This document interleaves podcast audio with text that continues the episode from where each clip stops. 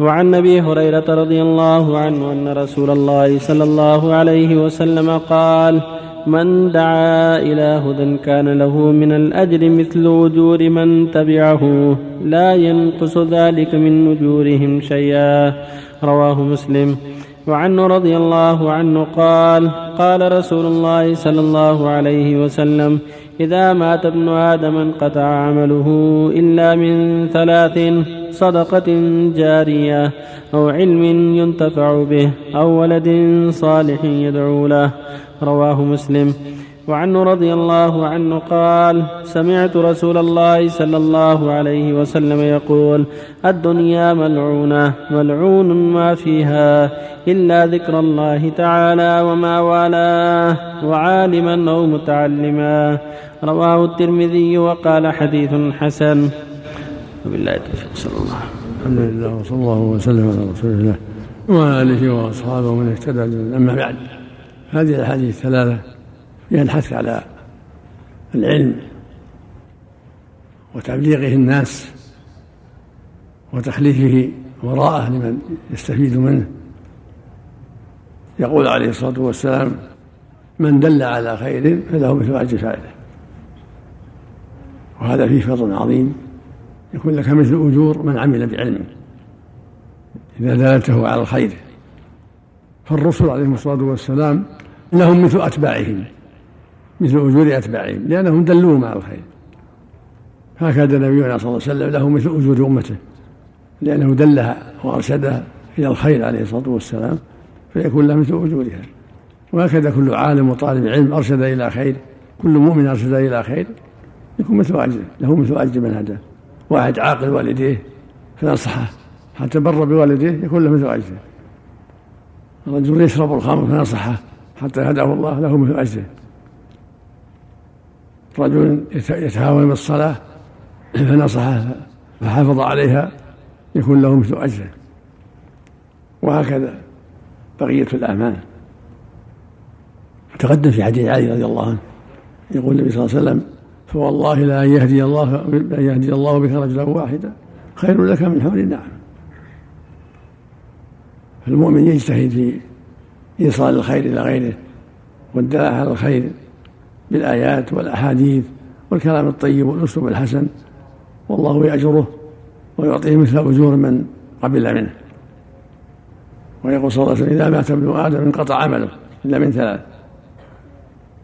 صدقة جارية أو علم ينتفع به أو ولد صالح يدعو له.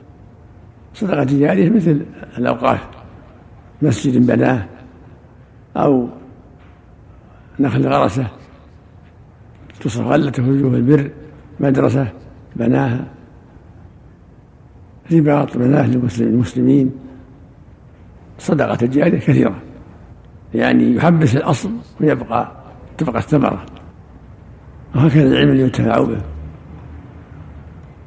مثل الكتب المفيدة التي خلفها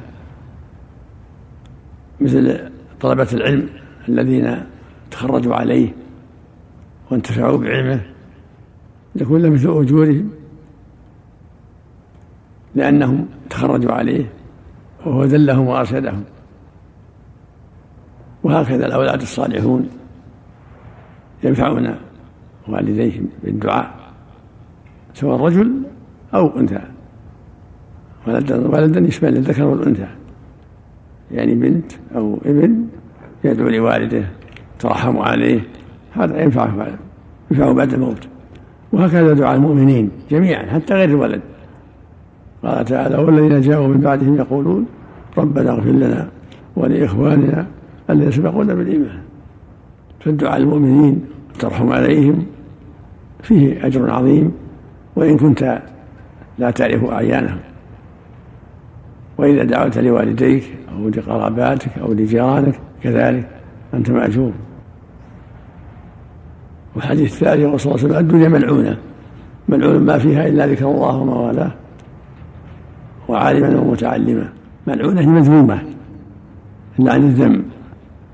كما قال تعالى في شجرة الزقوم إن شجرة الزقوم طعام أثيم.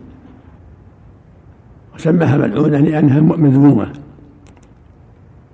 فالمذموم يسمى ملعونين مسبوب. السب اللعن.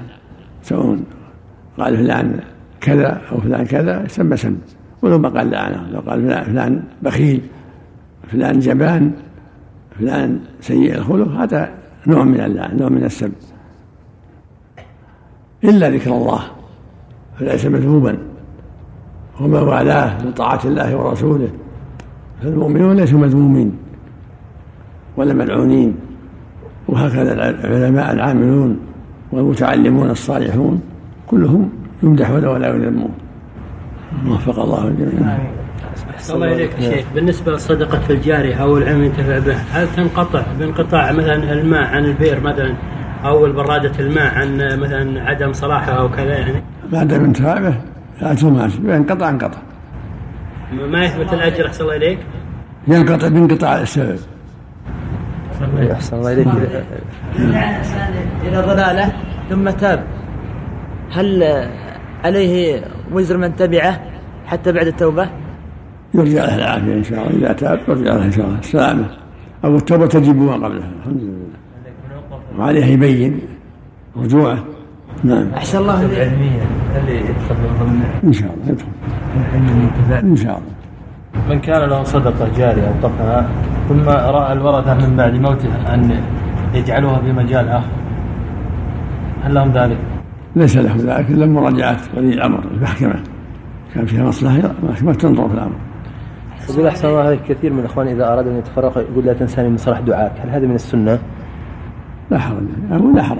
ما فيها شيء. لا حرج. أحسن الله عليك من قال إن عليه الوزر حتى بعد التوبة ها؟